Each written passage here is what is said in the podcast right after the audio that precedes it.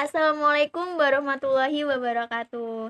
Halo teman-teman semua di mana pun kalian berada Balik lagi nih sama Dila dan juga Dias Tentunya di podcast Super Suara Perubahan. Semoga teman-teman stay hot dan safe ya di kondisi pandemi kayak gini.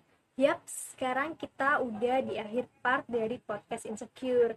Tapi jangan sedih, kita bakal buat pembahasan lain di podcast selanjutnya ngomongin masalah part terakhir dari podcast Insecure, sesuai janji kita, bakal bahas tempat yang tepat untuk insecure dan bagaimana bentuk insecure yang seharusnya. Eits, tunggu dulu. Buat teman-teman yang baru nemuin podcast ini, dengerin juga ya podcast Insecure part 1 dan part 2 biar nggak salah alamat. salah paham maksudnya. Bener banget tuh. Bolehlah aku review sedikit dari part 1 dan part 2 jadi di part 1 kita udah bahas apa itu insecure dan sejarah di zaman Rasul. Seru banget deh. Kalau di part 2 kita bahas insecure yang sedang dialami oleh para kaum milenial dalam berbagai bidang. Kalau pembahasan di part-part sebelumnya begitu menarik, Skuila kita bahas podcast terakhir ini. Seperti yang kita tahu dan seperti yang udah kita bahas sebelumnya bahwa saat ini kaum milenial itu dihadapkan oleh rasa insecure duniawi. Misalnya kayak kecantikan, kekayaan, kepintaran, dan lain-lain. Nah karena itu aku jadi keinget loh sama satu ayat yang ada di Al-Quran. Wah, tentang apa tuh Dil?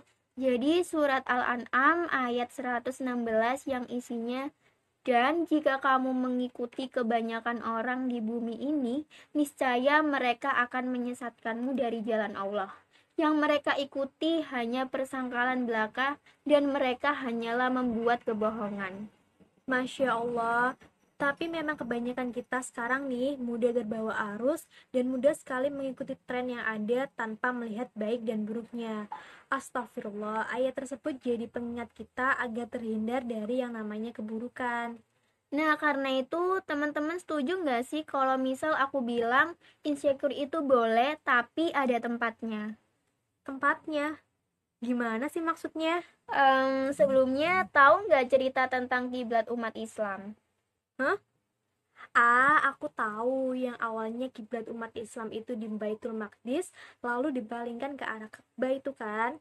Benar banget ya. Saat itu orang musyrik meragukan agama Nabi Muhammad, lalu turunlah Quran surat Al-Baqarah ayat 148 yang artinya dan setiap umat mempunyai kiblat yang dia menghadap kepadanya. Maka berlomba-lombalah kamu dalam kebaikan di mana saja kamu berada, pasti Allah akan mengumpulkan semuanya. Sungguh, Allah Maha Kuasa atas segala sesuatu.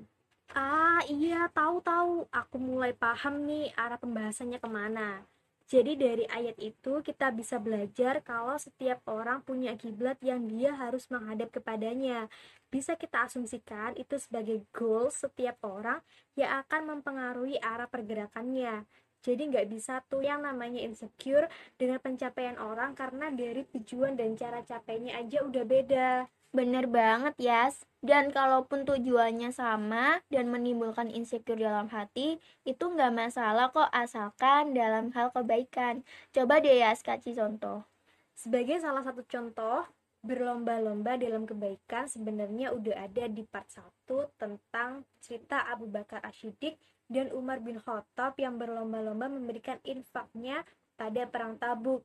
Nah, kita bisa tinjau dari sisi insecure nih, bahwa insecure itu diarahkan ke dalam kebaikan. Contohnya balita yang udah bisa ngaji, artis-artis yang duet ngaji bareng sama anak kecil, dan juga ada pemuda yang ilmu agamanya itu begitu luas. Jadi, dari sini udah bisa kelihatan bentuk insecure seperti apa sih yang diperbolehkan.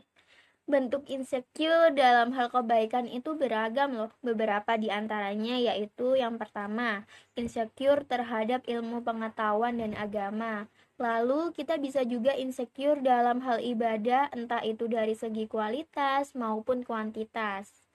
Lalu insecure terhadap beramal soleh dan yang terakhir insecure jika ingin menyerukan kepada kebaikan karena merasa diri sendiri belum baik dan bentuk insecure dalam kebaikan lainnya. Tapi teman-teman juga perlu mengingat segala sesuatu haruslah memiliki keseimbangan. Jadi, jangan sampai jika kita ingin mengejar atau berlomba dalam kebaikan, sehingga melupakan kewajiban-kewajiban yang harus kita lakukan. Mantep banget nggak tuh? Terlepas dari insecure dalam kebaikan, hendaknya kita tetap bersyukur atas kondisi dan keadaan meskipun itu masih di tahapan niat melakukan kebaikan.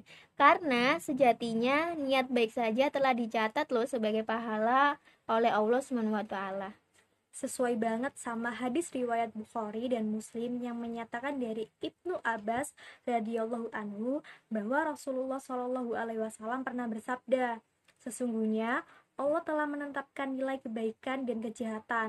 Maka barang siapa berniat dalam kebaikan tetapi tidak dikerjakannya, Allah mencatatnya sebagai suatu kebaikan yang sempurna. Nah, buat para pendengar yang udah dengerin dari awal hingga sejauh ini lalu terbesit dalam hatinya ingin merubah stigma insecure menjadi syukur lalu menjadi berlomba-lomba kepada kebaikan.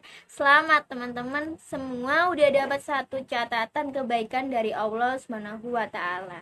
Nah, selamat ya teman-teman. Nah, dari kita ada tips yang mungkin bisa bantu teman-teman mengatasi rasa insecure ini.